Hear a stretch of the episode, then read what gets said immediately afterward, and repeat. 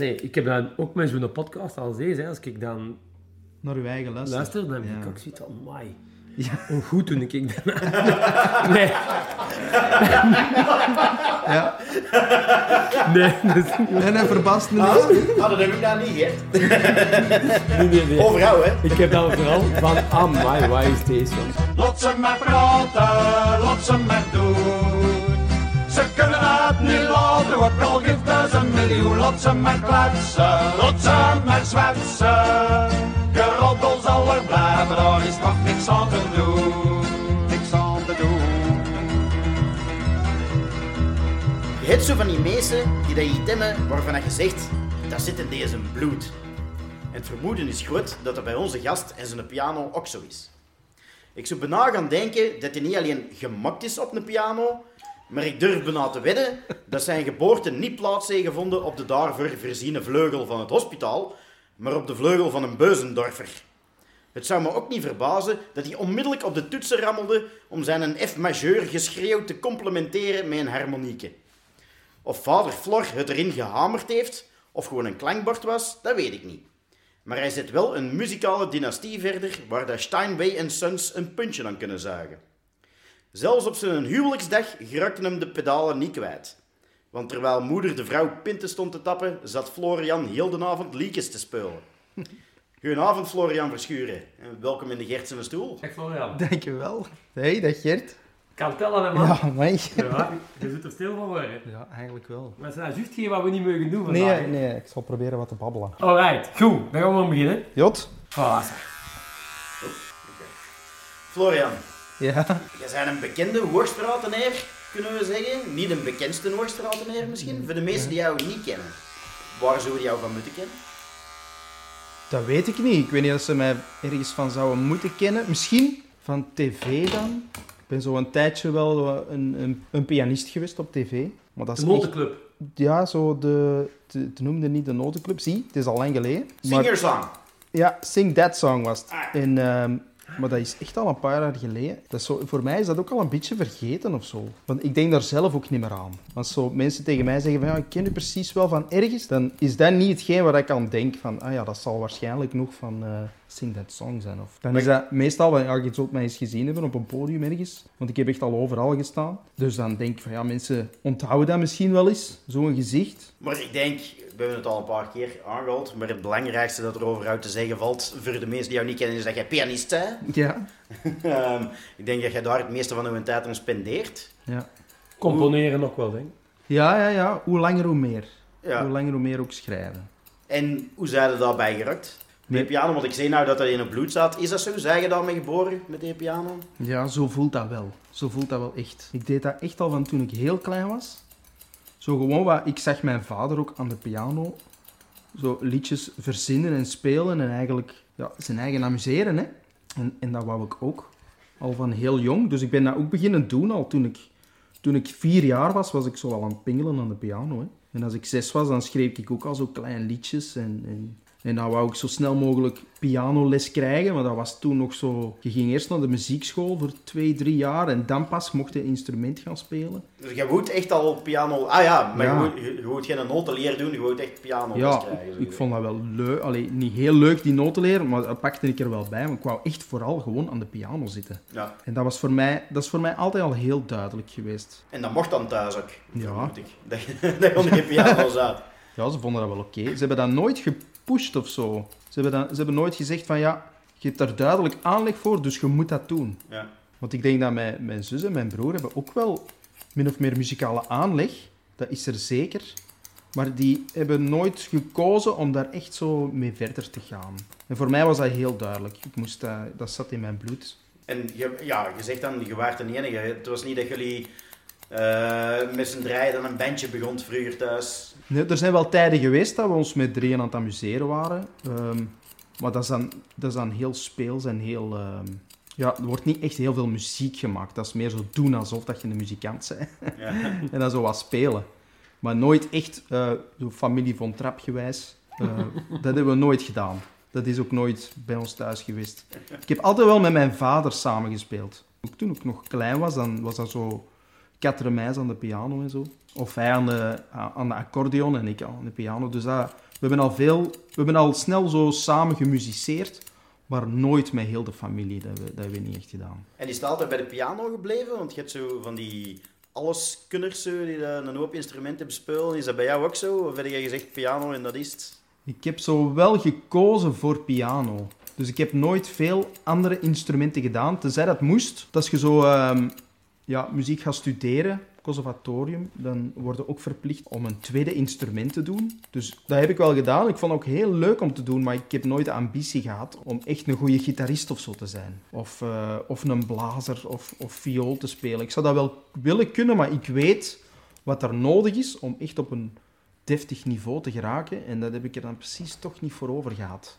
Ja. Omdat ik mij echt... Ik, ik had aan de piano genoeg. Ik heb daar nog altijd genoeg aan, eerlijk gezegd. Dus daar kan ik eigenlijk alles mee doen wat ik wil doen. En het zou leuk zijn om andere kleuren te kunnen maken. Zo van een heel goede drummer te zijn. Dat zou plezant zijn. Maar dat kost te veel energie om dat nu nog te gaan doen. Ik zie dat eigenlijk niet meer zitten. Zeg, jij zegt net, hè, ik vond dat leuk om samen met mijn vader te musiceren en daar een beetje mee te spelen, een beetje te ontdekken. Ja. Doe je dat zelf ook met je kinderen? Ja, en ik zou dat liever nog wat meer doen.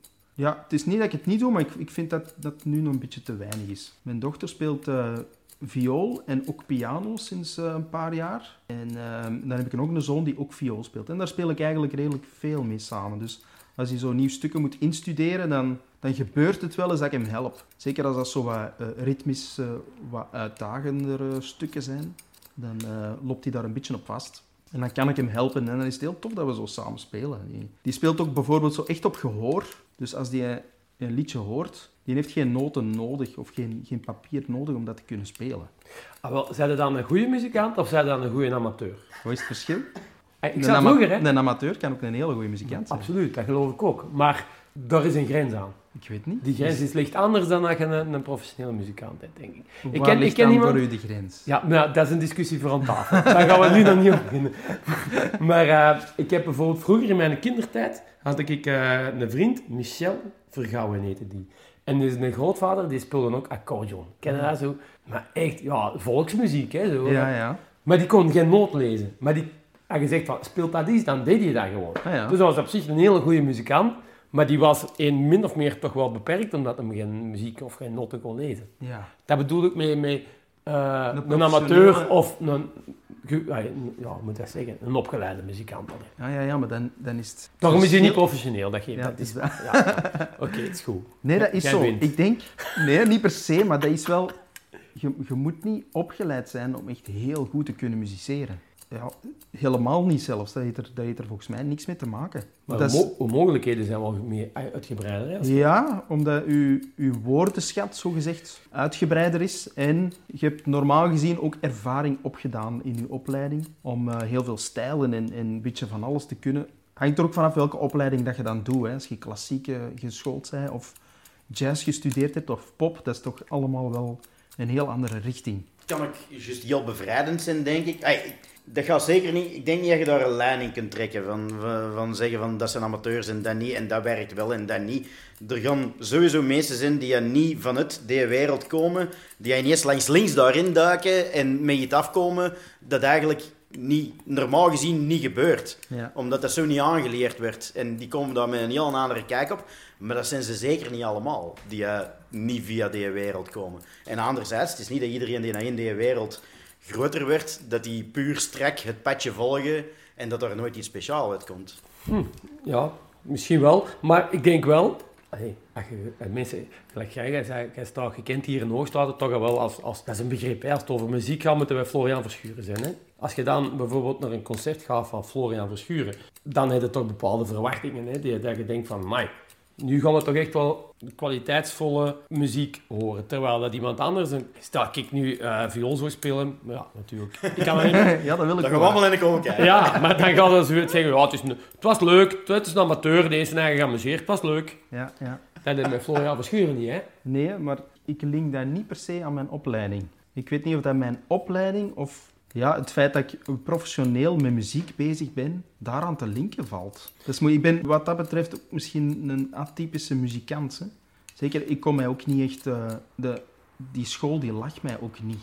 Ik heb dat geprobeerd, dat, die conservatorium. En, en ik geef nu zelf les in het conservatorium, dus dat is heel raar. Maar eigenlijk ben ik, was ik zelf een hele slechte student. Ik wou gewoon mijn eigen ding doen. En dat heb ik dan ook gedaan. Een muzikale ondernemer eigenlijk dan. Zo ken ik er nog slechte studenten die aan jou lesgeven. Ja, Ehm, ja, maar dan op een gegeven moment, ah, je bent dan al zo lang met muziek bezig, met piano bezig dan vooral, en je hebt op een gegeven moment een bewuste keuze moeten maken van, ik ga dat nou professioneel doen.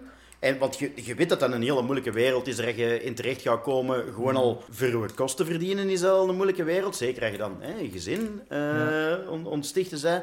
Is dat natuurlijk gekomen? Of, of, of er daarin gerold? Of heb je ooit een bewuste keuze moeten maken en gezegd van, ik kan dat wel doen, ik kan dat niet doen? de enige bewuste keuze dat ik gemaakt heb, was stoppen met school. Dat was dan meteen ook het startschot van, oké, dan zit je vanaf nu ja, zelfstandige of muzikant of iemand die, ja, iemand die alleen maar bezig is met, met spelen en met muziek schrijven. En, en... Dus ik had dan opgegeven om dat diploma te halen en te gaan lesgeven of zo van die dingen. Dat, dat zat ook niet echt bij mijn top 3 van dat wil ik later gaan doen.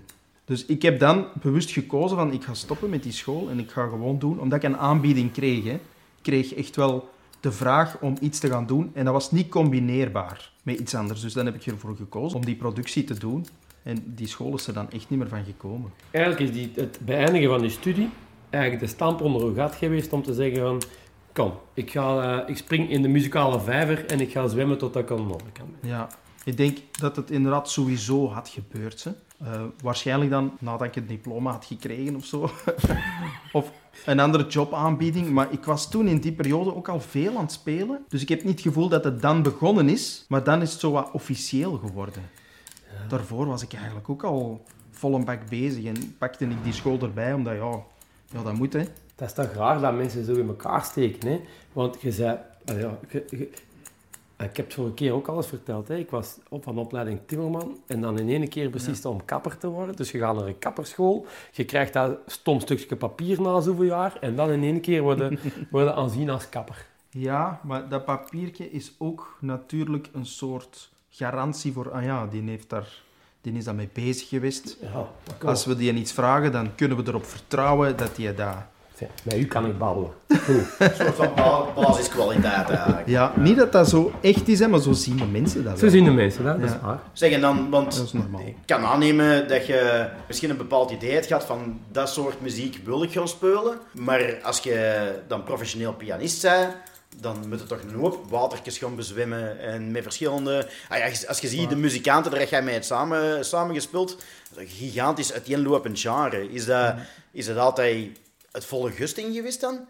Maar ik zou misschien zeggen, ik, ik weet niet of je... Kende, kennen jullie Walter Lavent?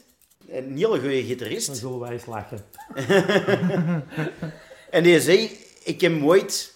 eh, maar dat is echt een hele goede gitarist. Zei, ik heb ooit bij Danny Fabri in het, eh, in het orkestje gespeeld. Ja. En daar heb ik leren gitaar spelen, omdat er niks zo goed is om te trainen als drie uur dezelfde akkoorden achter elkaar spelen. Ah, ja.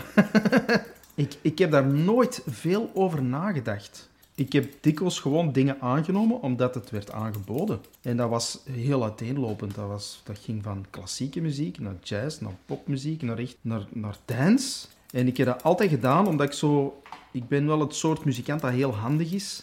En zo overal wel zijn plan kan trekken. En in al die watertjes, zoals dat gezegd, kan zwemmen. Tegelijkertijd had ik misschien veel eerder moeten zeggen van... Ik ga kiezen voor dat, want dat ligt mij het meest. Of dat doe ik het liefst. En ik heb het gevoel dat ik, dat, dat ik die beslissing veel te laat heb genomen. Je hebt nou, wanneer was dat, vorig jaar of zo, eh, een solo-cd uitgebracht? Of, Ja, dat is al een paar jaar geleden, Ah, ja. ondertussen. En heb je daar dan het idee van dat hij eigenlijk te lang op zich heeft laten wachten, bijvoorbeeld? Of? Ja, ja, misschien wel. Maar ook eerder keuzes maken van... Ah ja, ik wil eigenlijk liever dat soort muzikant zijn die dat gevraagd wordt om wat er speciaal is aan hem. En niet omdat je veel kan. En wat is er, wat is er speciaal aan? Ja, dat, is, dat is moeilijk om uit te leggen. Ik denk dat ik eh, met weinig noten veel kan zeggen. Dat probeer ik toch te doen. Of dat, dat is iets wat ik heel graag doe. Wat ik, die zoektocht wil ik wel aangaan. In plaats van, ik wil heel veel noten spelen, of heel technisch kunnen spelen, heel virtuoos. Of ik wil heel graag op dat podium staan Of ik wil voor 20.000 mensen spelen. Dat zijn allemaal ambities. Maar dat zijn eigenlijk niet mijn doelen of zo. Die liggen eerder in het feit dat ik op een bepaalde manier muziek wil maken. Al is dat alleen, of in groep, of met een heel orkest, dat kan ook.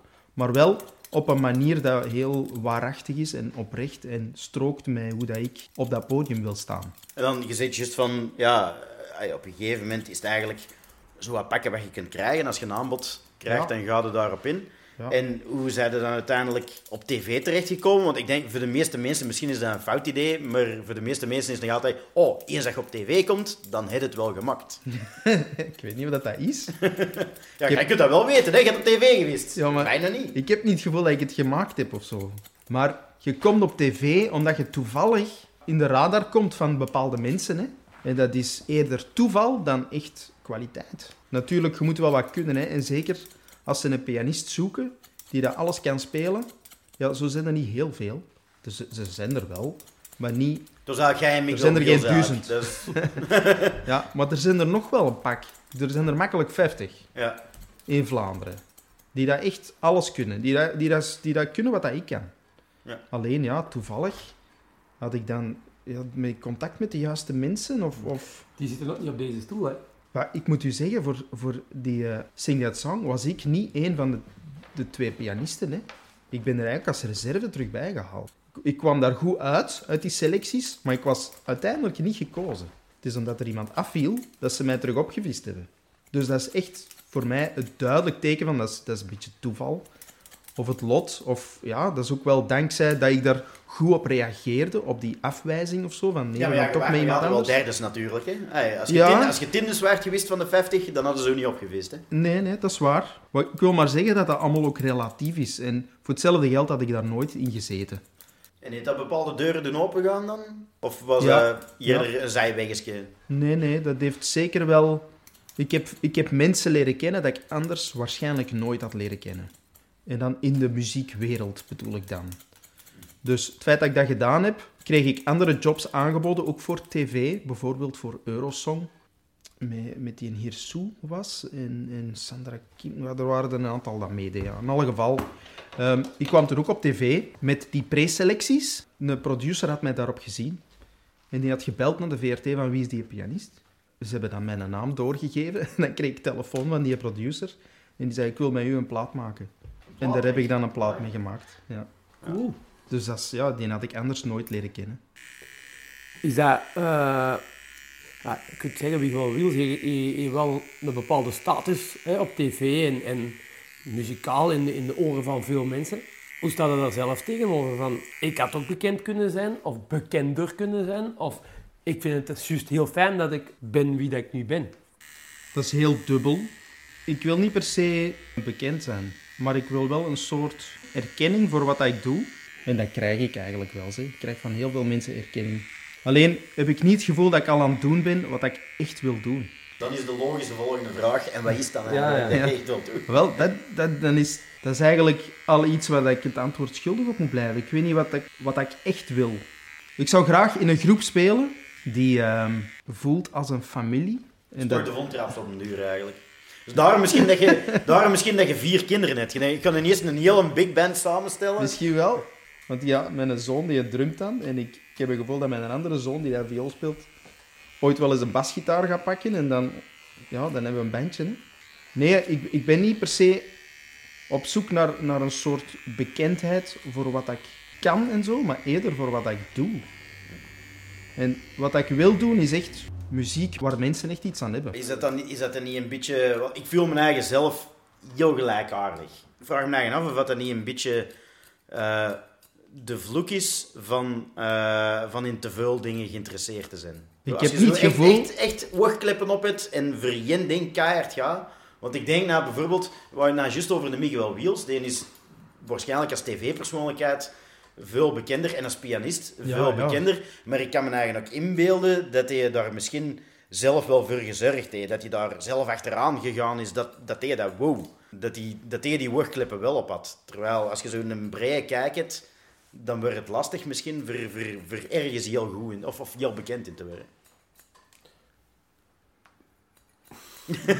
Ik Oeh, heb hey, een beetje... conversatie. Ik heb, nee, nee, nee. Ik ben aan het nadenken, want ik heb er een beetje moeilijk mee als je over oogkleppen spreekt. Want dat, dat vind ik wat negatief klinkt eigenlijk. Ja, ah, of- ja, Ik vind, hè, want zo'n Miguel Wiels is, is bekend. En, en eh, Ja, ik zeg dat zonder woorden al. Ja, ja, ja, ja. Dat is focus, noem het dan focus. ja, noem het focus. Dat klinkt al een pak beter. ja, dat- dat is toch. Ik vind dat wel. Ja, nee, nee, Want nee. ik, ik weet bijvoorbeeld... Maar ik ben dan ook al 47. ik weet al heel goed wat ik wil. Als het over mijn job gaat. Wat wil je? Weet je dat al lang? Ah, nee. Voilà. Nee, maar dat komt wel, dat vervolledigt zijn eigen al. En dat is wel leuk aan ouder worden, denk ik. Ja. Je, je, met dat knippen en dan dat knippen, dat komt dan, eh, de volgende stap is dan barbieren en barbieren, dat wordt dan dat. En zo, zo evolueerde. Ja. Op de duur weten wel wat je, vooral wat je niet wilt, dat weet je dan.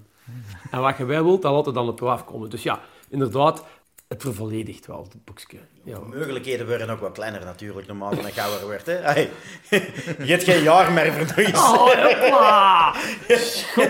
ja. En dan nog eens 15 jaar met uh, pakken voor Ja. eigen om te scholen. Ja, inderdaad, dat is, dat is ook waar natuurlijk. Maar ah ja, het is toch ook leuk, denk ik, dat als je, bijvoorbeeld als ik nu naar mijn leven kijk, van hoe kinderen zijn groter, je hebt een job die je graag doet, je ook, allee, ook wel een vorm van herkenning van krijgt. Ik denk dat iedereen er wel een beetje op zoek is. Ja, tuurlijk. Ik, vind, ik heb echt wel zo'n beetje het gevoel van, ja, mijn oogkleppen, als je het dan mag herhalen, Focus. focus, Sorry. die heb ik al wel even uh, achterwege gelaten. En daar voel ik mij trouwens ook goed bij. Want ik denk niet, ja, als, je mee, als je altijd blijft, met- blijft rondlopen met, en niet weet waar naartoe, Ja. dan is het moeilijk. Hè? Denk, denk, je- denk je dan dat je op den duur gewoon moet kiezen? Of, of, of zeg jij de spaghetti-techniek, je smet een hoop dingen tegen de muur en er zal lied blijven plekken? Eh, ja, je moet kiezen, dat denk ik wel op den duur. Want anders zijt het slachtoffer van de eigen. En dan moet je content zijn met die keuze? Of? Nee, als je niet content bent, dan moet je, dan moet je keuze aanpassen. Maar ik denk dat je wel moet gaan naar vereenvoudiging. Met, met, met de focus waar je het juist over had, dat is wel noodzakelijk volgens mij. Want is anders... eerder weten waar dat je dan niet voor kiest. Daar, Ja. daar denk ik. Dat, dat, ik heb dat van de zomer gehad. Van de zomer ging ik op vakantie en mijn kop zat helemaal vol met van alles. En dan heb ik mijn eigen eens in mijn hangmat gehangen in Frankrijk. En, is, en ik had een blad papier en ik had eigenlijk de bedoeling om op te schrijven wat ik belangrijk vond. En uiteindelijk kwam ik er al heel snel achter dat opschrijven wat ik niet belangrijk vond, of wat ik zelfs vanaf wil, dat dat veel gemakkelijker is. Ja, ja. En dan ben ik eigenlijk daar toch wel tot een, tot een bepaalde Inzicht. in- inzicht gekomen. Ja. En dat is nou eerlijk waar, ik heb dat al opgeschreven. En als je dat op hebt geschreven, dat- is dat ook uit je kop en bla bla bla. In ieder geval, je krijgt wel een frisse drive. Ja. Dat denk ik. Nee, daar er niet mee gedaan ook. Ja, maar ik moet zeggen dat het dan ook wel redelijk gauw terug, terug verdwijnt. Omwille van het feit dat je niet kiest. Want dan, dan laat je kerken terug, je kruiwagen terug vol. En dan, in mijn geval, ik spreek voor mijn eigen, geeft dat alleen heel veel onrust. En dat wil ik niet meer. Tot hier mijn pleidooi. Confrater. maar dat is toch erg, hè, eigenlijk? Hè? Eigenlijk is dat een, een soort van, van luxe, maar je bent er wel slachtoffer van. Een luxe dat je kunt kiezen uit veel dingen, maar je bent er slachtoffer van omdat je niet kunt kiezen tussen Ja. die dingen. Ja, ik denk dat de generatie van onze ouders, eh, dat, ik kan dat zeker geen luxe noemen en ik zou niet willen ruilen, ook niet, voor alle duidelijkheid. Eh, En zeker de generatie van mijn grootouders, die waren niet bezig met gelukkig zijn, bijvoorbeeld. Ja, die, die dochten daar zelfs niet op. De meesten die eh, de Tweede Wereldoorlog hebben meegemaakt, die waren totaal niet bezig met van, oh, nou moet ik nog eens gelukkig zijn ook. Eh, dat- Ik moet werk hebben en ik moet voor mijn bengels zorgen en ik moet zien dat iedereen een leven blijft en dat we een huis hebben. Ja. En dan moet ik nog eens gelukkig zijn ook. Daar waren die gewoon niet mee bezig. Nee, dat is waar. En wat, wat een luxe is het eigenlijk dat we daarmee mogen bezig zijn, of we wel gelukkig zijn of niet. Maar goed, dat neemt niet weg dat we het misschien niet zijn en dan maakt ons leven ook niet gemakkelijker. Ik denk dat dat... Oh, ik weet niet of ik het zo ver moet opentrekken, jongen. Ik denk dat je... Ik denk dat die mensen in C wel gelukkig waren, maar met andere dingen dan dat wij gelukkig zijn. Misschien is het inderdaad gemakkelijker om gelukkig te zijn als je de vraag niet stelt of dat je gelukkig bent. Als je waren niet constant, of als dat geen vereiste is dat je gelukkig ja, bent. dat is een beetje Facebook in het echt, hè. Ja. Ja, ja, ja. Maar Als je niet gelukkig bent, zou je iets verkeerd aan doen. Is dat niet zo'n beetje het idee dat er leeft? ja, ja, misschien wel. Als je niet gelukkig bent, dan moet er iets veranderen. Maar je kunt toch niet altijd gelukkig zijn? Je kunt Nee. toch ook periodes hebben dat je niet 100% bent? En dat is, dat is helemaal oké. Daar moeten we gewoon even door. Ik weet niet of dat je dan heel belangrijke beslissingen moet gaan nemen op dat moment. Want dan zit je misschien nog verder van huis. Ja, ja, dan neem je misschien de verkeerde beslissingen omdat je in een verkeerde Ja. mindset zit, of Ja. zo wilde zeggen. Ja. Ja, het is dat. Heb jij een muzikale carrière van die momenten gehad dat je ongelukkig werd? Niet zoveel. Op, op muzikaal vlak niet zoveel. Ook omdat ja, er komt zoveel op mij af. Ik, kan, ik heb het geluk dat ik dikwijls kan kiezen van, ah ja, ik ga nu dat doen. En eh, ik ga stoppen met dat. En dat is niet erg, want ik kan ondertussen ook iets anders gaan doen. Dus ik heb mij altijd zo wel kunnen vrij bewegen in, de, in dat muzikaal landschap.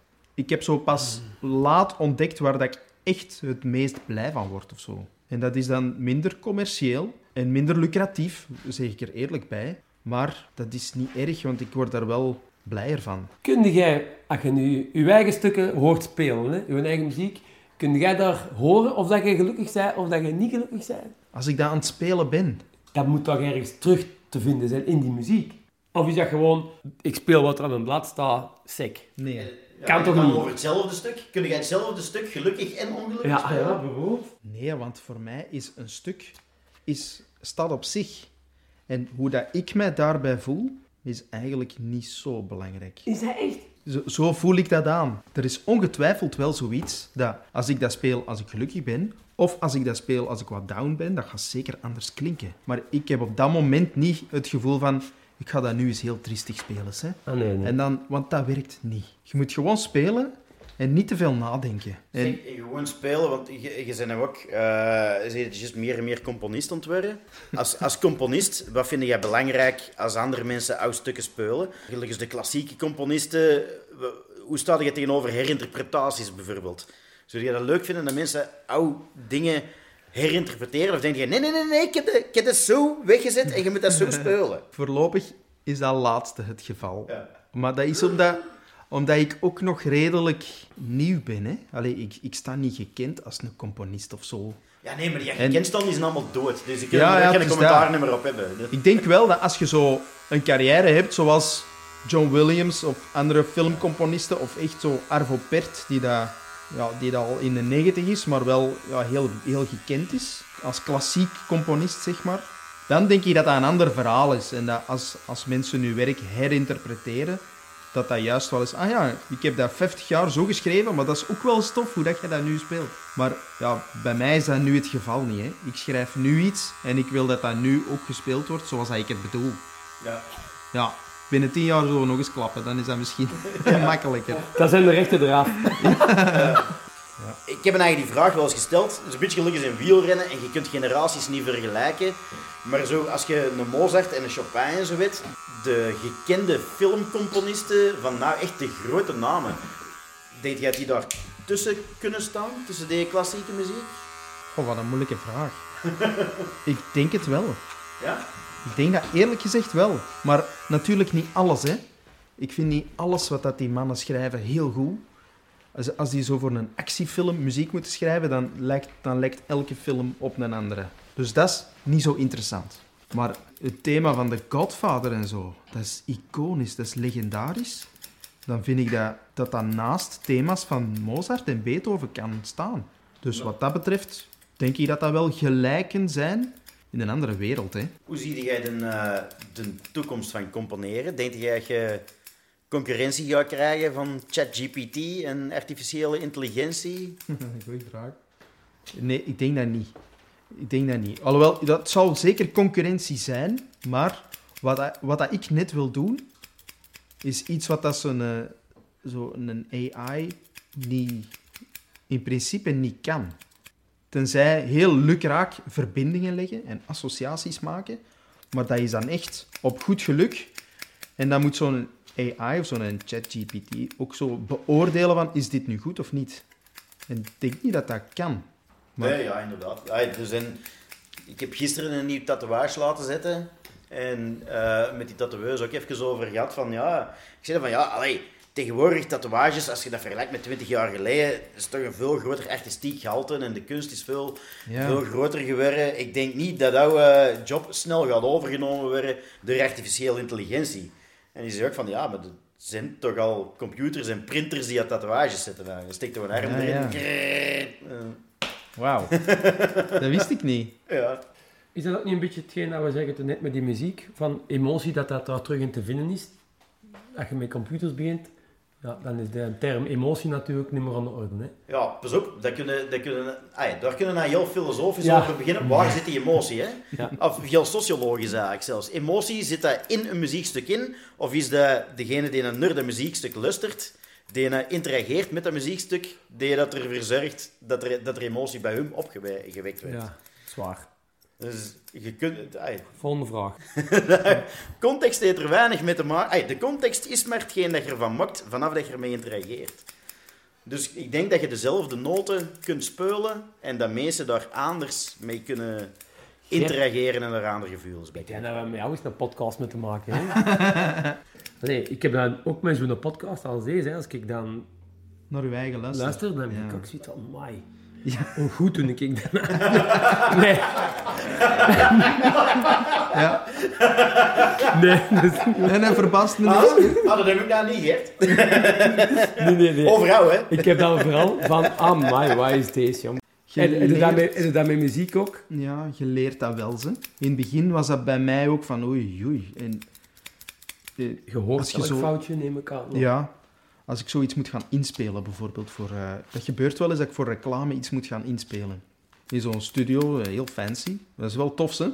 Maar je, je speelt, ze, ze hebben dan iets nodig in de stijl, zo wat gospel en, en ze hebben dan zo een soort maquette gemaakt en je moet daar dan op meespelen. En je speelt dan een paar takes.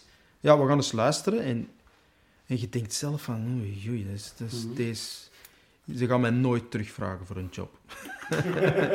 dat denk ik dan echt. Zij zijn daar toch wel heel tevreden over dan. Ja, we gaan, de, de, we gaan een tweede take pakken. De eerste dat was nog zo wat zoeken, maar de tweede was perfect. En ja, ja, dan hoor ik dat een paar weken later ook verschijnen op tv. En denk ik, ah ja, het valt precies wel mee. In een geheel. Ja, het valt Ja. precies wel mee. Dat is eigenlijk nog niet zo slecht. Niet dat ik dat dan fantastisch vind, maar het initiële gevoel van... Oei, oei, wat is deze? Ja, dat is er niet meer. Zeg Florian, hoeveel kinderen heb je eigenlijk?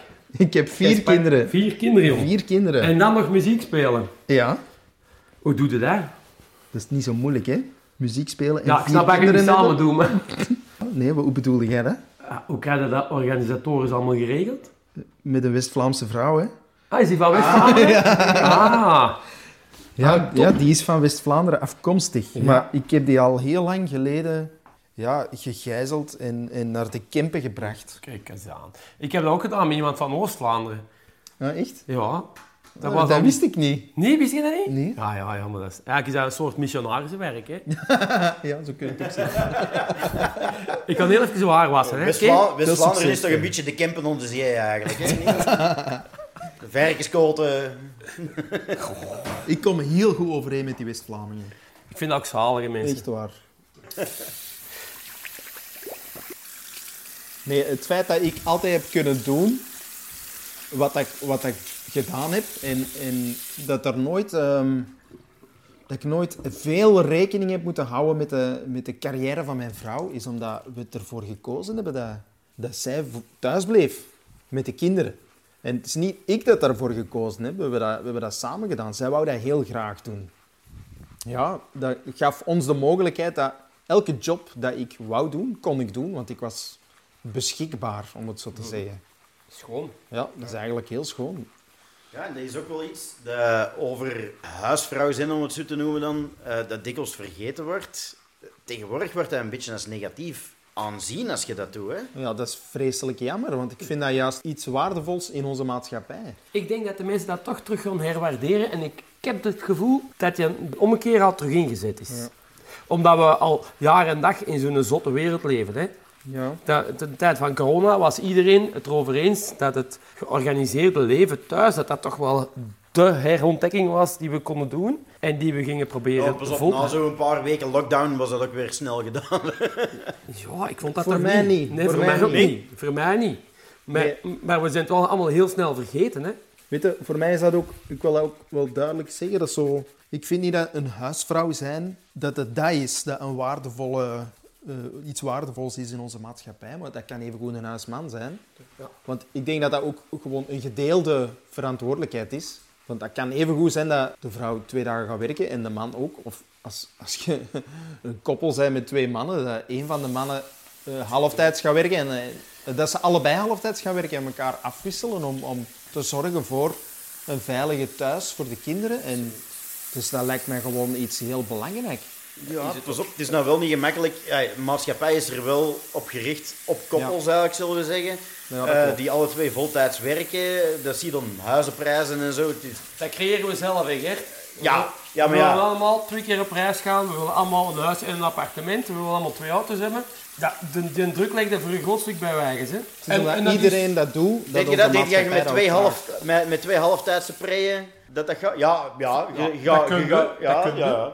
Je zult, je zult opofferingen moeten maken waarschijnlijk. Je gaat, Ah, ja, maar je gaat niet op de vrijheid kunnen Maar wonen. wat krijg je dan in de plaats? Dan krijg je mi- misschien wel een warm thuis voor kinderen. Tja. Of, dat wil niet zeggen dat iemand met- die met twee gaat werken, dat die dat dan niet hebben. Hè. Maar dat is toch anders. Ik denk dat dat vooral voor de kinderen anders is. Ja, dat bedoel ik. En jij nooit het gevoel gehad dat je te hard werkte dan, Florian? Ja, zeker wel. Ah, ja. Volmondig ja. En ook te weinig thuis.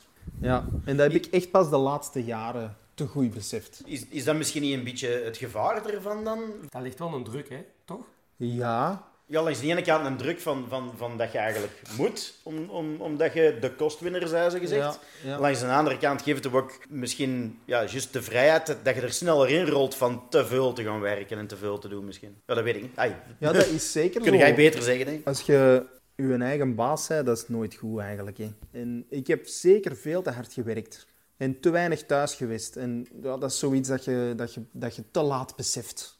Het heeft inderdaad ook als voordeel dat je zo eh, alles wat dat je... Ik, ik heb nooit nee moeten zeggen op een project, omdat het niet paste met de thuissituatie.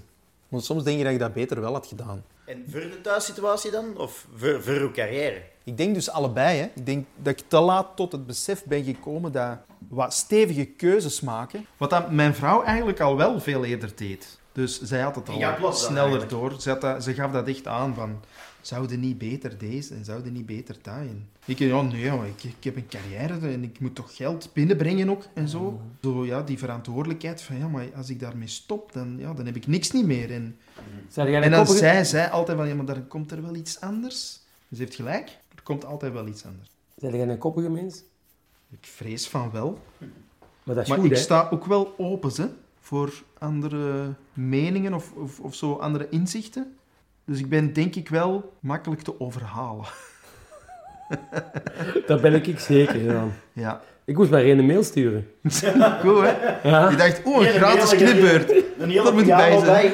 Ja, Want de meesten moesten nou piano's inspelen, hè Gert? ja maar podcast. waar, je moet het allemaal niet... Podcast, ja. Je verklapt hier alles al. We hadden hier eh, de vorige keer in onze podcast, had je weer Jeff Mertens zitten. Ik hoorde nou juist zeggen dat je nou ook les gaf op conservatorium. Ja, Jeff Mertens, die heeft gezegd tijdens deze podcast, op Tico dan, als er een kunstenaar bij ons les kwam geven, dat hem die af en toe de raad tegengegeven van, doe dat niet, ja. want vanaf dat je les begint te geven, moeten we kunst opzij schuiven en kun je geen volwaardige kunstenaar meer zijn. Dat komt door kunst niet ten goede om les te gaan geven. Dat heeft hem tegen mij ook al eens gezegd. Echt? Ja, ja. En ik vind dat een heel, interessant, heel interessante gedachte. Ik heb er ook al veel over nagedacht. Hè? En ik weet niet goed ja, wat ik daar dan eigenlijk van vind. Ik kan, dat wel, ik kan daarin in volgen. Ik denk, als je ervoor kiest om kunstenaar te zijn, dat je daar echt fulltime mee moet bezig zijn. Je, je bent nou aan het componeren ook en het lesgeven. Ja. Is componeren niet meer kunstenaar zijn dan pianist zijn bij iemand? Ik vind... De, de liedjes van Helmut Lotti zijn al geschreven, bijvoorbeeld. Dus dat is meer, dat is meer uitvoerend werk dat je dan doet. Hè. is Componeren is toch iets meer kunstenaar zijn, denk ik dan misschien. Ik voel dat zelf ook zo aan, maar dat is in deze periode. Dus dat kan ook Ja. goed zijn dat ik daar binnen vijf jaar anders over denk. Ehm, maar voor mij is het summum wel, als je met muziek bezig bent, schrijven. Maar ik vind het ook heel leuk om gewoon wat te jammen en zo te spelen. En, en, en er zijn, ik ken componisten die dat dan niet kunnen. En dat vind ik nu juist superleuk om gewoon zo vanuit de losse polsen van alles tevoorschijn te toveren en te improviseren. En, en wat dat lesgeven betreft, het is, het is niet mijn ambitie om dat heel mijn leven te gaan doen. muziek, ik snap dat wel, hè. Dat, is nu, dat is een dada en, en, en, en al wat je wilt. Maar dan moeten toch nog dingen zijn die u bezighouden in de wereld. Of, of doet allee. Maar zo naast de muziek hè, zijn er uiteraard dingen waar ik veel mee bezig ben of veel over nadenk. Maar dat is dan eerder echt zo wereldgerelateerd of, of sociaal gerelateerd. Daar, daarom dat ik ook zo dingen zoals Tutti Fratelli, dat ik dat heel belangrijk vind en dat ik dat nooit ga opgeven. Nou, Omdat dat- dat zo...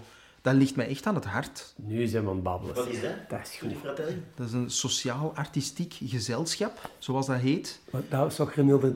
Renilde de Cler ja, ja, ja, ja. is daarmee, is daarmee gestart. En nu is dat dingen, hè? Nico Sturm. Ja. Wat dat Tutti Fratelli doet, is wij maken toneelvoorstellingen of theatervoorstellingen met veel muziek. En dat zijn geen professionele mensen dat dat doen. Dat zijn mensen die weinig eh, kansen hebben gekregen in onze maatschappij. Of aan de rand van de samenleving zitten. ehm, in armoede leven of pech gehad hebben en, en eigenlijk weinig inkomen hebben, bijvoorbeeld. Dus veel mensen vanuit het OCMW die daar graag eh, iets willen doen op een podium, worden naar Tutti Fratelli gestuurd om die mensen een plek te geven, om de onzichtbare zichtbaar te maken. Want die zitten ook in onze maatschappij, die zitten in onze samenleving, maar die worden een beetje opzij gezet. Nu nog meer dan vroeger, denk ik. Hè? Ja. Met die energieprijzen en met dit en met dat allemaal. waar we vandaag mee kampen. Ja. En is dat, is dat een soort van Durstroom-project dan? Of, of, of, of meer zo'n eenmalig podium voor die mensen? Of... Nee, dat kan, er zijn mensen bij die al meer dan tien jaar meedoen. Ja. En daar zijn ook, ook veel mensen bij die ene keer meedoen en dan zoiets hebben van, ja, dat was geweldig, maar ik hoef dat nu niet nog eens te doen. Of ik, ik heb nu een uitzicht op iets anders. De bedoeling is dat de mensen die meedoen dat leuk vinden om te doen, het gevoel hebben dat ze, dat ze hun eigen waarde terugvinden, Dat ze meedoen. ja, dat ze meedoen. En soms is dat voldoende om één productie te doen. En hebben die daarna de goesting om terug een nieuw job te gaan doen of, of terug te gaan studeren. En, en mogelijkheden zien om hun leven een, een nieuwe wending te geven. Ja, dat is, dat is prachtig werk wat die mensen doen. En ik ben heel trots om daar deel van uit te maken. Zeg, en daar deel uit, eh, van uitmaken, wat houdt dat concreet in? Is dat dat je daar dan stukken voor schrijft of dat je daar, daar gaat spelen? Of is dat... Dat houdt vooral in dat we jaarlijks een productie maken die in de Roma en in de Burla gespeeld wordt. En daar is muziek voor nodig, want we vinden het belangrijk dat die mensen ook veel zingen. Zingen is iets, ja, dat is toch iets heel speciaals. Als mensen zo samen zingen, dan geeft dat een enorme gevoel van samenhorigheid. Hoe stom dat dat ook klinkt en hoe cliché dat dat is, we mo- moeten dat niet onder stoelen of banken steken. Dat, dat doet heel veel met een mens. Ik denk ook dat dat letterlijk en figuurlijk makkelijker is om te praten. Of makkelijker om je, je gevoel te uiten, dat je in groep kunt naar buiten komen, Ja, dan dat je daar van voor op een podium gaat staan en zingt deze liek. Ja, ja. Vieringen, religie, eh, alle dingen die de mensen bij elkaar brengen, is heel vaak muziek en zingen, ja. zingen mee gemoeid. Hè? ja. Eh, maar, maar ook, dan gaat het over groepen mensen, maar ook individueel. Eh, als je kijkt, er zijn projecten voor mensen met dementie, om zo liedjes van vroeger daarmee te gaan zingen. Wat dat liedjes doen met, met een mens is echt iets heel raar eigenlijk. Ja, ja, dat is... Is dat niet een beetje samen te vatten als het oproepen van een, van een bepaalde emotie? Die Misschien gekoppeld- herinneringen of zo? Ja. Die daar-. Het kan ook mechanischer zijn, dat het gewoon iets heel repetitief is, dat je van buiten hebt geleerd, zo'n kinderliedje bijvoorbeeld. Mhm. En dat dat iets is dat je hersenen het langste onthouden dan. Maar, maar dan nog, zie je bij die mensen ook wel de emotie bovenkomen dat ze het nog kennen, bijvoorbeeld. Ik zie ook vooral in, bij Tutti Fratelli dan, we, wij vragen soms aan mensen die echt nog nooit gezongen hebben, om een solo te doen, helemaal alleen op dat podium. En dat is, ja, wij vragen dan wel heel veel. En je ziet die mensen ook kijken van, wauw, dat ga ik nooit doen. Maar op een of andere manier krijgen we die dan toch zo ver. En die zijn dan echt een andere mens als ze, dat gedaan hebben. Die voelen zich dan zo rijk en zo. En daar is het wat we het voor doen. Dus we zijn een, een sociaal-artistiek project, maar er wordt ook veel gezegd dat we eerder een, een artistiek-sociaal project zijn. Dus we, we willen echt wel iets goed brengen. Ja, Het is niet de bedoeling van- Het is ook sociaal werk eigenlijk. Ja. ja. Doe je dat lang? Ik ben daarvan in het begin bij. Oh. Dus toen Renilde dat opgestart heeft, was ik toevallig met haar ook een productie eh, in Kortrijk aan het doen, bij Theater Antigone. En dat was iets gelijkaardigs. Dus dat was ook met mensen van Kortrijk zelf. En eh, ze zei van, ik wil dat opstarten in Antwerpen. En zou jij willen meedoen? En dat heb ik dan gedaan. En sindsdien, elk jaar doen wij een productie. En er zijn ook veel kleinere dingen bij. Hè. Soms is dat gewoon zo... ehm, organiseren ze een, een klein eh, cultuurfestivalletje. En dan, eh, dan zingen wij ook, ook een paar liedjes die dat we van vorige producties kennen of gewoon voor de gelegenheid instuderen. Ehm, maar soms zijn dat ook echt zo volwaardige voorstellingen. Ja. Maar ik meen, mij, ah, ik meen toch te weten dat je in het algemeen zo wel redelijk sociaal bewogen bent. Hè? In de zin van, hier in Hoogstraten, hè, Begantje slaat beslaat, daar zitten er ook altijd wel ergens tussen, denk ik. Ja. De musical die er nu weer aan gaat komen, Ja. ook weer. En ik heb al gezien bij familie van mij muziekstukken, bij Femke, van hè, mens- mensen Ah, die, examen moeten gaan doen, dat je die begeleidt. Ja. Hè, dat is toch eigenlijk allemaal maatschappelijk toch wel een heel... Ja. Hè? Ja, ik vind, dat, ik vind dat belangrijk om te doen. Ik, Mhm. ik denk wel, in alle bescheidenheid, dat ik een bepaald talent heb.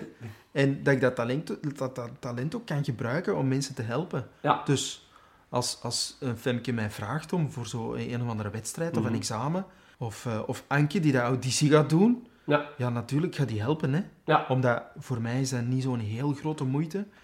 Natuurlijk, als je al die uren bij elkaar optelt, ik snap het. Hè? Want dat zegt mijn vrouw ook van, ja, je moet niet alles aanpakken. Ah, ja, je moet ja. niet alles doen. Nee, plus dat de mensen die dat zien, ah, als hij het voor die gedaan, dan gaat hij het voor mij ook wel doen. tuurlijk. En op den duur, Ja. Dat is zo. En daar moet ik mezelf wat voor beschermen af en toe. Maar ik vind dat ook leuk om mensen te helpen. Hè? Mhm. Ik vind dat echt heel plezant om, om zo muziek als een soort zorgende... Om de zorgverlener te zijn. sociaal, ja. Ja, in de muziek. Ja, ja. Ik vind dat eigenlijk heel plezant. Zeg, als je het goed vindt, ga ik heel even zo haar drogen. En dan ga vind ik, het goed. doe ik er wax in en dan verhuizen we naar de tafel. Goed? Ja, dat is wel. Geef me twee minuten.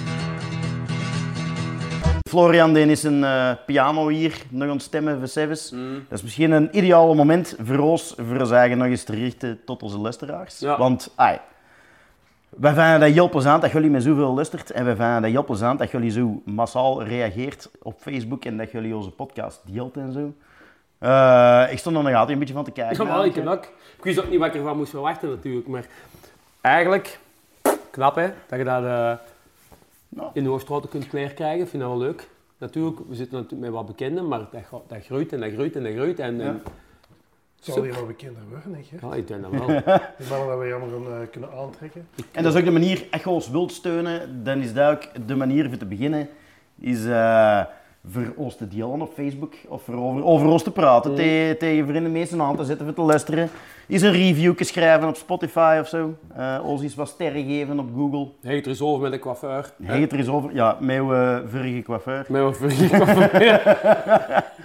En komt dan naar een toekomstige Ah, coiffeur maar- hier bij Haarbazaar Deluxe. Als je ons toch in, eh, op wat materiëlere manieren wilt steunen, dat kan ook altijd. Je kunt, er, je kunt vriend van de show worden. We hebben al een paar mensen die vriend van de show zijn, officieel. Dan kun je ze allemaal vriend van de show natuurlijk. Maar je kunt Maar je kunt ook goede vriend. Officieel Goeie vriend. Door naar uh, www.vriendvandeshow.nl slash proper geknipt te gaan. En dan kun je kiezen voor je te abonneren op eh, onze podcast voor 2,5 euro in de mond. Dat is de prijs van een koffietje in de mond voor twee podcasts van ongeveer anderhalf uur. Daar kunnen niet versukkelen. We zijn dat een BFF. Da- ja, dan zeiden of je kunt ons daar ook een eenmalige donatie Ah, geven. ja. En je zegt ik wil geen mondelijkse donatie Ja. geven. Dus dat je ons wat materiëler wilt steunen. Want ja, zo'n podcastje opnemen, dat kost natuurlijk ook wel centjes. En wie weet krijgen die mannen zijn voordeel. Hè? Een Ja, ja. Daar gaan we ooit nog wel zo. eens een leuk evenementje mee doen. Hè? Ja, Of wat er een brouwer is, ik denk dan nog meer, hè, die eh wil steunen. Of de Westmal, ik zal het nog eens zeggen. Niet jammer. Goed. Goed, allee, ik denk dat eh, Florian zo onderaan het klaar is dat we ver kunnen gaan praten aan tafel. En een stukje naar Florian luisteren natuurlijk. Hè. Die kan dat goed, joh. Zeg maar over de Florian gesproken. Hè? Ze biedt gaat hem hier iets spelen voor ons, maar die heeft ook wel de muziek geschreven voor het groot circus van het Klein Verdriet, zonder daar reclame Het groot circus van het Klein Verdriet. Ja, Dat is de ja. eerste dat ik daarvan hoor in de podcast, Maarten. ja, dat moet zijn. Nee, maar eh, even tussen de lijnen door, want hier wordt reclame gemaakt voor van alles, maar hij heeft gehoord, denk ik. Ja, denk, eh, Lotte maar eens Zit tussen de gaan. ogen. Ja, Lotte maar eens gaan. Come on.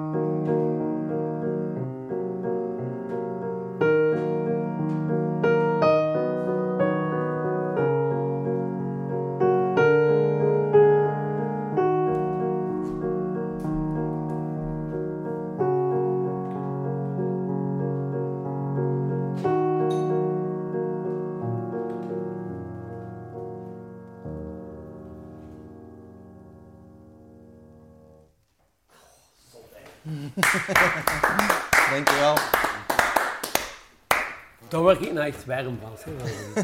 Kun je dat geloven? Heb je dan een broek nodig, Gert? Nee, nee, nee, nee. Maar dat is echt... Dat, dat, dat is echt Ik had dat schreef- bijna Ah, niet geschreven. Ah, niet Ik geschreven. had dat bijna niet geschreven. Omdat het te moeilijk was. Nee. Nee, omdat dat... Nee, dat klinkt dan misschien heel raar, hè. Maar dat is niet... Je kunt daar wel veel fouten in maken, maar dat is niet per se heel moeilijk om te spelen. Ah, oké. Ja, en ik vond dat een beetje gratuit eigenlijk zelfs. Van een beetje een trucje. Ah ja, maar dat mag een trucje zijn. Ja. Ja, dat maar dat is oké, hè. Dat Die heeft gewerkt. trucjes, ja, is geen probleem, hè. Klassiek popleken eigenlijk. Zo. ja, je hebt zo nog wel van die, zo de four-chord song. Je hebt zo van die vier akkoorden die heel vaak terugkomen. A, M, F, C, G? Ja, zo, als het hangt vanaf wat dat je begint. A mineur, F, C, G. Of in een andere...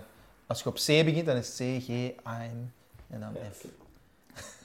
maar het is dezelfde volgorde. Ja. Je begint alleen op een ander punt. Vier akkoorden. En er, eh, nooit gezien zo'n filmpjes? Het zijn vier akkoorden. Ja, het? ik en weet daar dat kunnen nog. wij het alle leekjes mee spelen. Ja.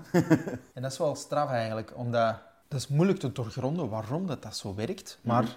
ik heb daar wel een theorie over dat dat een soort metafoor zou kunnen zijn voor, voor het leven zelf eigenlijk. Zonder al te filosofisch te worden. hè.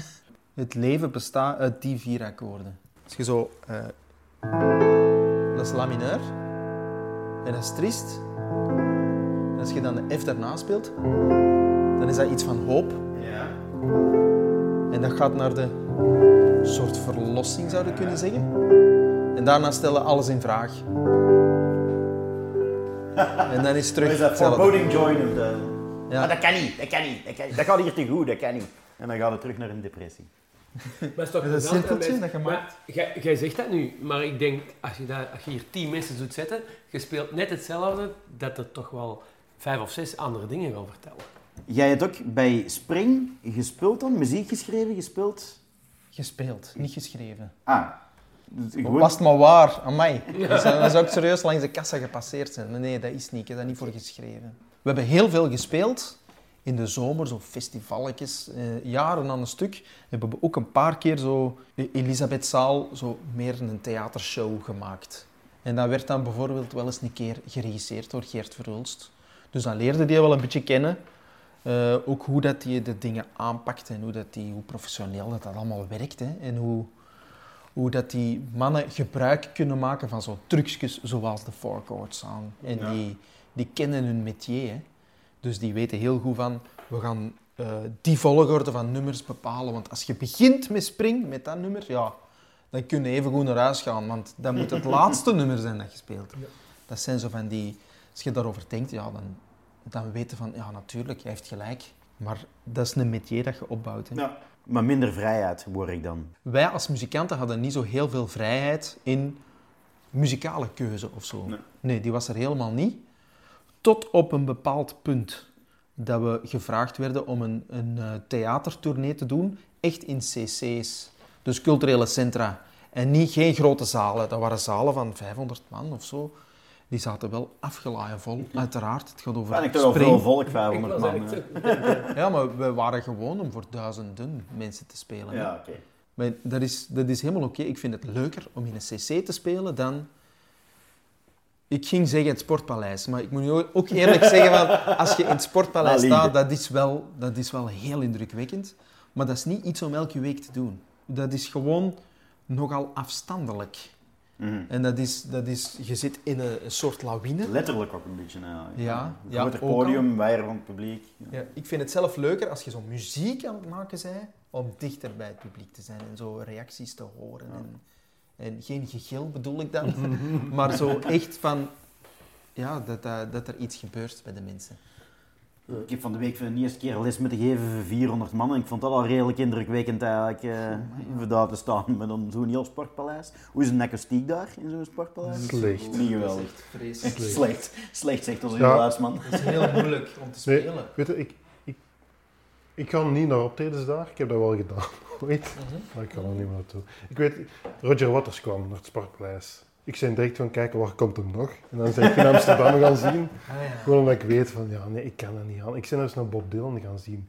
Ik was zo teleurgesteld in alles. Ik herkende zijn nummers niet, dat was het één. Maar dan nog eens die Oh, maar gelukkig is dat Bob. Dylan nou zijn nummer zingt. Ja. Herken ik, Nee. Nee, nee. Maar dat is goed dat hij dat... maar- maar die- Die heet dan nieuwe nummers en dat is oké. Maar dat dan die oude nummers nog gaat doen, die kan dat niet meer, hè. Nee.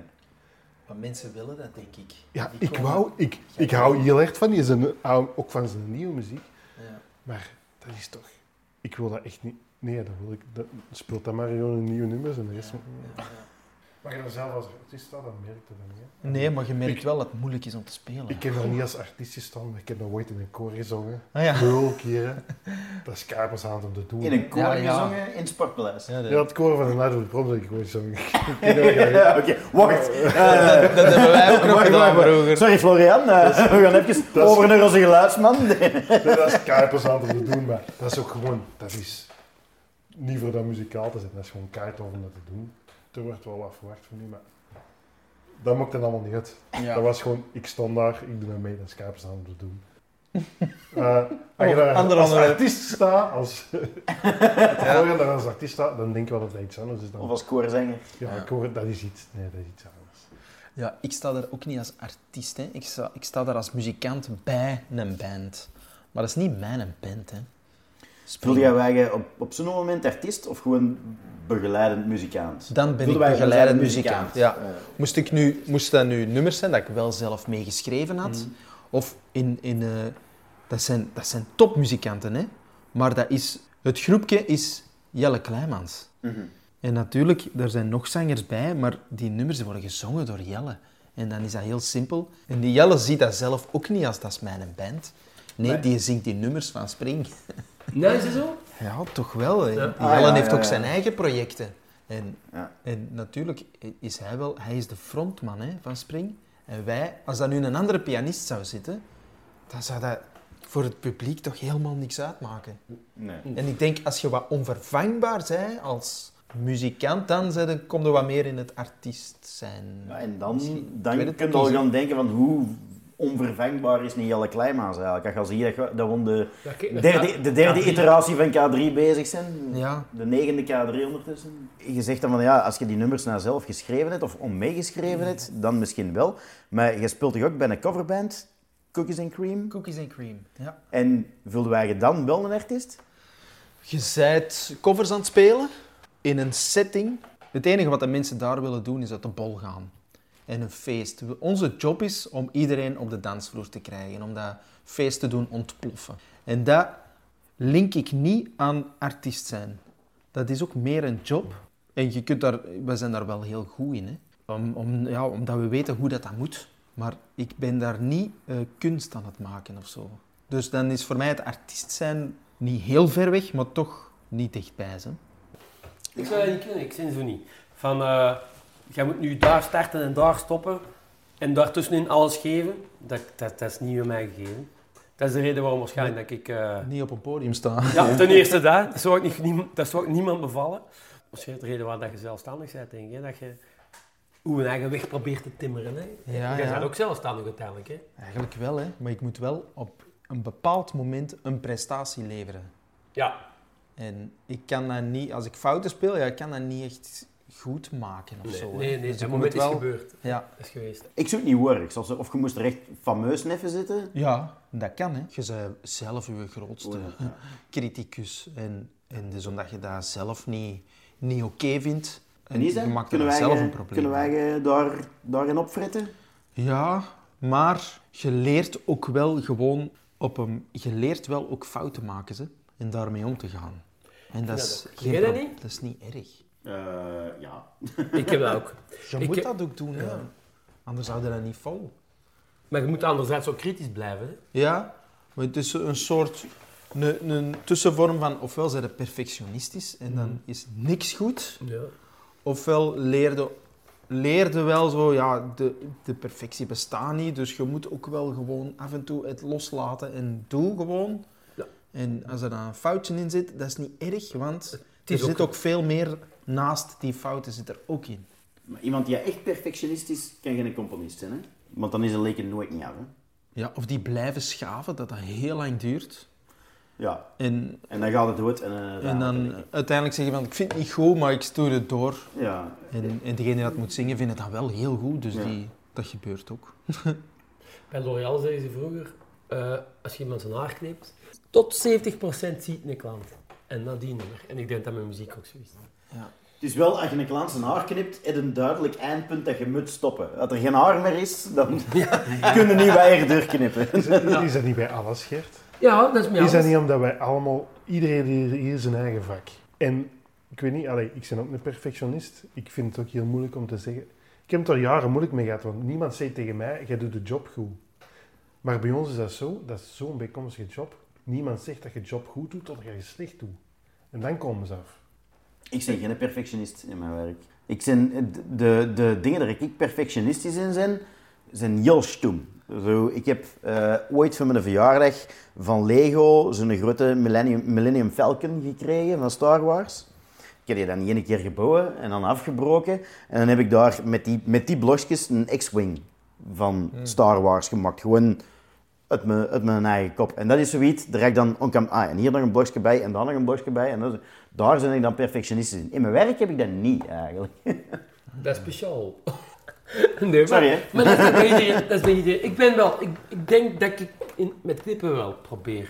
Het is, Perfectionistisch. het is misschien ook niet alleen perfectionistisch, maar, perfectionistisch, maar het gewoon het feit dat je, je, zei, je doet je job. Je weet wat, dat je job, wat, dat er, Mm. wat je zelf verwacht van de job. En sowieso verwacht jij meer, weet jij meer wat dat je job inhoudt dan dat diegene waarvoor dat je het doet. Ja, ja, ja. Anders hadden ze niet gevallen. Ja, ja.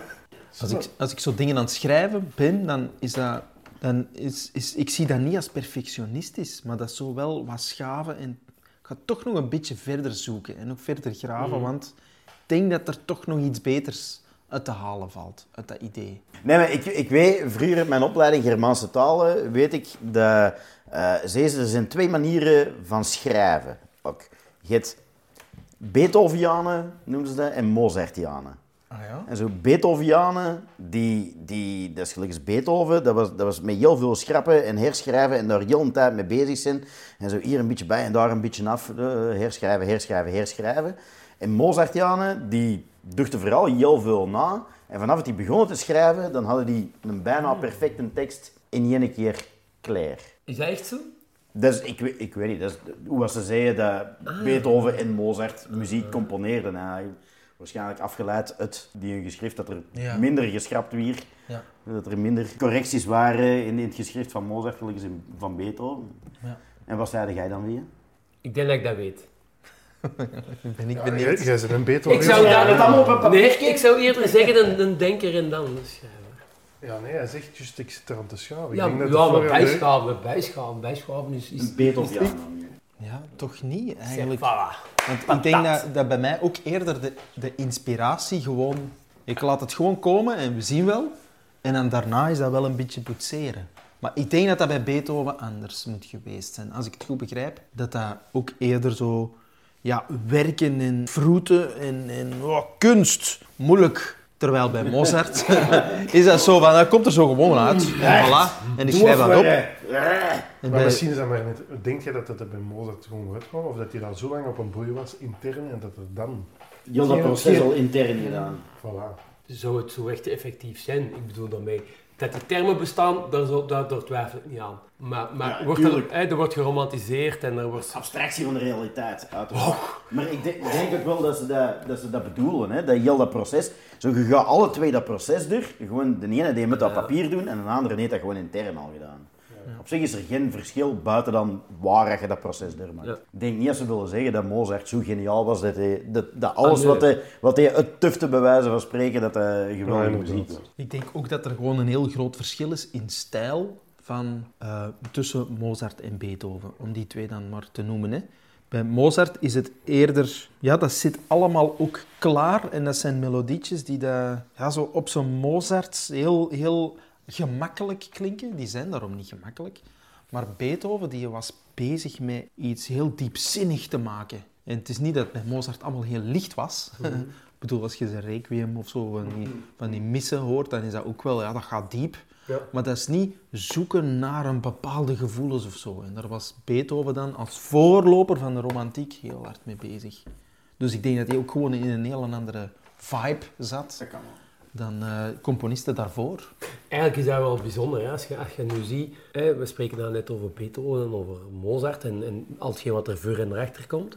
Maar nog altijd wordt er muziek geschreven. En, en dat, wat ik me eigenlijk dan dikwijls afvraag van, waar houdt deze nog? Deze moet toch al uitgevonden geweest? Deze moet toch al bestaan? Hoe kunnen nu nog, vandaag, in 2023, nog iets op papier zetten, muzikaal, dat nog niet bestaat? Maar wat, wat, wat we het Nee, juist al gezien hebben met die, met die vier akkoorden, Ja. die komt heel wijd met die vier akkoorden. hè. Ja, maar ik vind, dat, ik vind dat heel bijzonder. Hoe dat je er nu vandaag nog... Je zou toch denken dat het warm water, speelzakgewijs, hè, eh, misschien- al lang bestaat. Maar misschien is het ook gewoon eigen om de mees. Dat die toch eigenlijk een beetje, die continuïteit, de, de- toch een klein beetje conservatief is misschien. Dat die dat wel geren, hè, zo die vier zelfde akkoorden, dat die af en toe zo eens een paar keer terugkomen. Zo. Herkenbaarheid. Ja, herkenbaarheid wel. hè, Ja. Je ziet dat nu ook, hè. ik hoor hier, hè, hier staat de muziek van de 50s en, en, en, en soms ouder, soms wat jonger, maar altijd zo redelijk oude muziek. Eh, Dat mijn kinderen hier komen, die- die zingen dat bijna mee, hè. zonder dat ze dat, dat lied kennen. Hè. De- hè, die, die herhaling van, of heruitvinding, of hoe moet ik dat zeggen? Sampling. En TikTok. Ja, ja, maar toch, heel veel moderne muziek is, vindt zijn oorsprong toch wel eh, veel vroeger. Als Lisa is tien en die was nu met Nirvana bezig, omdat Ah, ja. dat op TikTok voorbij kwam. Ah ja, ja, ja, ja, dat zijn dan de goede dingen van zoiets. Hè. Maar het feit dat componisten nu moeilijker dingen kunnen schrijven, ja, dat, dat weet ik eigenlijk niet. Omdat ja, er is, alles is al eens geschreven geweest, maar niet op de manier zoals dat jij dat gedaan hebt. Ja. Of eh, een andere componist. Dus je gebruikt wel dezelfde ideeën en dezelfde ingrediënten en dezelfde four chords, maar je kunt daar nog altijd wel je eigen touch aan geven of je eigen ding mee doen. En iets heel persoonlijks van maken. Als je echt naar de noten gaat kijken, dat dat misschien zowel gelijkenissen zijn tussen verschillende tijden, tussen verschillende componisten. Maar ik denk, ik denk niet dat dat echt een heel groot probleem is. Nu, ik denk soms zelf ook van, ah, ik, heb, ik heb iets heel tof geschreven, en, dan, maar ik ken dat precies. Ah, ja, ja, ja, ja, dat, dat, moet al, dat moet al bestaan, dat kan niet anders. Ja, en dan laat ik dat ook horen aan verschillende mensen. En dan, het Dat zegt mij wel iets, maar ik ken het toch ook niet. En dan, ja, dat is... Dat is soms kunnen heel zeggen, moeilijk van- Zou dan kunnen zeggen, jij zegt nu, hè, je bent naar het zoeken naar, naar iets dat al bestaat, maar je zou dan kunnen zeggen, ik heb het niet geschreven. Hè? Dat weet het dus niet. Ah nee, dat weet ik niet. Maar te dat, laat. dat Dat kan, hè. Dat gaan we, dat gaan we, ik kan dat nou al afklokken. Ik kan dat nou al zeggen. Binnen een paar weken komt hier eh, Jasper Posson. Dat is eh, de vaste schrijver van eh, Philip Geubels. Ah, ja. De stand-up comedian zelf ook. Die gaat dat ook zeggen. Soms kom ik met een keigoeie mop en dan denk ik... Ah, dat heb ik "Nou, precies al eens alles gehoord. verteld. We hadden toch ook de, de naam van onze podcast, was toch ook al... eh, Ja, we, dat is hebben echt- al... we hebben ooit gedacht over de geknipt... ah, De geknipte gast. Ah, keigoed. Keigoed. dat is al twee jaar. Ah, is Dat dat is echt? een andere podcast. De Spiegel. Exact hetzelfde concept. De spiegel. De spiegel, ja, ook goed. Maar maar de vraag is dan Ook al weg. Zit het dan, zit het dan plagiaat aan Nee, niet per se. Er Maar zijn dan twee mensen aan de andere kant van de wereld, ay, toen toch de andere kant van de wereld, die tegelijkertijd de telefoon hebben uitgevonden. Ja. En die konden niet naar elkaar bellen, want ze hebben het niet samen uitgevonden. Dat was ik eigenlijk alle twee tegelijkertijd een telefoon Ja. uitgevonden. Ja. Dus, eh, ja. Soms komt het soms komt op hetzelfde idee dat iemand anders al heeft. Eh, Het probleem is nou dat we dat allemaal al weten, dat, dat, dat iemand dat al heeft. We, we hebben veel meer toegang tot alles wat er beschikbaar is. Dat, dat was vroeger niet. Maar want er wordt wel eens gezegd van, als je nu een geniaal idee hebt, je zei, je zei echt niet de eerste dat je een geniaal idee had. Hè. Zij het er maar zeker van. Dat Nee, maar- alles dik- is al bedacht Dat geweest. is hè. waar, Dat maar is- hoe dikwijls heb je zoiets dat je denkt van, deze is geniaal, maar het zal wel bestaan, dus veeg het maar van tafel. Er moet toch ergens het geniale van tafel geveegd zijn dat eigenlijk moest blijven liggen. Hè? Natuurlijk, maar ik heb... Ongetwijfeld. Su super top, hè. Ja, in die tijd leven, nou ja. Is, eh, als wij onderzoek moeten doen, is dat juist hetzelfde. Hè? Ik denk, ah, doen we dat zo nou, interessant zijn voor te onderzoeken. En dan trekt je daar tijd voor uit, voor dat te beginnen onderzoeken. En dan begin je literatuur te zoeken. Dan, ah, ah, dat is al onderzocht. Onbewust slaagde dingen op, hè. Ja, Melodietjes en zo, en, en bepaalde wendingen of zo, of harmonieën. En, en dan moet je iets schrijven en dan, ja, dan ineens zit dat daarin. En je dat eerst niet door, Nee. totdat iemand zegt van, het lijkt heel erg op dat. Ik heb ook de indruk dat, ja. dat, die, dat die, eh, die rechtszaken de laatste jaren meer, vaker en vaker voorkomen. Zo. dat mensen Komt toch meer in, in de media. Ja, ja, dat kan ook. Ja, Maar dat is wel, en soms vind ik het echt totaal onterecht. ja inderdaad. Ik Maar snap ja, het soms is- echt niet. Er is, er is ook zo een regel, hè. Zoveel opeenvolgende noten mogen hetzelfde zijn. Ja, maar waar slaagt dat op? Nee, nee, dat zorgt natuurlijk nergens op, maar je hebt- en dan laten ze die algoritmes daarop los. Ja. En dan heb je van die bands waar nooit een kat van gehoord heeft. Ja. Ja, Ja, ja, je die met mannen van Mertens gegaan hier. Ja, maar dat was wel... Dat, Ja, dat, was, dat was gewoon- Dat was gewoon een kopie, ja. dat was gewoon copy-paste. Akkoord, maar joh. Voor de mensen die dat niet weten, leg het eens dat? uit, Gert. Ja, ik kan dat niet uitleggen, dat is veel te moeilijk voor mij. Dat was Azealia Banks, een Ja, eh, voilà. Amerikaanse rapster, die de, eh, een liedje van Basto, ja, eh, Ja, Mertens, dat? Baston, ja, Baston. ja, Is dat wereldhit geworden, hè? ja, Er wel goed. gesampled had, ja. Het is een goede samenwerking. zonder dat hij dat wist. Maar die is dat eerst gaan opeisen, toch, hè? In Amerika, hè? Ja, Ik denk dat daar een goede regeling is gebeurd. Ja, ja, dat is Ja. een- En hij is uiteindelijk heeft hij samengewerkt met Britney Spears en, en, en, en Will.i.am dan. Dat, dat is het grootste dat hij eruit gehaald heeft, denk ik. Buiten dan het geld dat hij van Azealia Banks gekregen heeft, waarschijnlijk. Wie is dat dan een nozelaar, hè? Dan zijn ze blij dat je geen pla- plagiaat hebt. Ja, dat is echt... Ja, Plagieer mij, alsjeblieft. Ja. Ja. Eigenlijk is dat een compliment. hè? ja, dat is toch? Ja, dat is toch... Als nou een van de bekendste professoren ter wereld mijn onderzoek zou plagiëren, dat content? Dat is eigenlijk, eigenlijk is een compliment, ja. Dan vindt hij dat goed genoeg voor te plagiëren. Maar ja. Zeggen we nog dingen die we de wereld in moeten sturen? Heb je een jingle om mee af te sluiten? Een reclame jingle? Voor... De, De jingle van, oh ja, dus beelden, beelden wij in Dat de Gert reclame zou maken op Radio Valencia. Welke jingle zou daarop zitten? Ik zal, ik zal een tekst doen. En dan doe jij de muziek.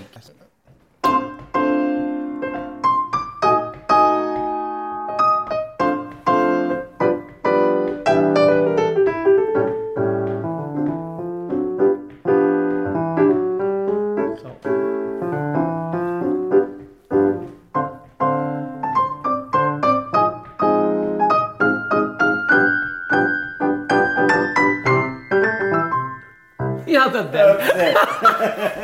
Alle essentie. Ja, ja, ja. Dat is ja. vervat. Geweldig, geweldig. Ik neem aan dat we dat mogen gebruiken. mocht dat gebruiken. Al die rechten en dingen en al. Florian, merci voor langs te komen. Ja, Merci voor uw super tof. materiaal mee te pakken.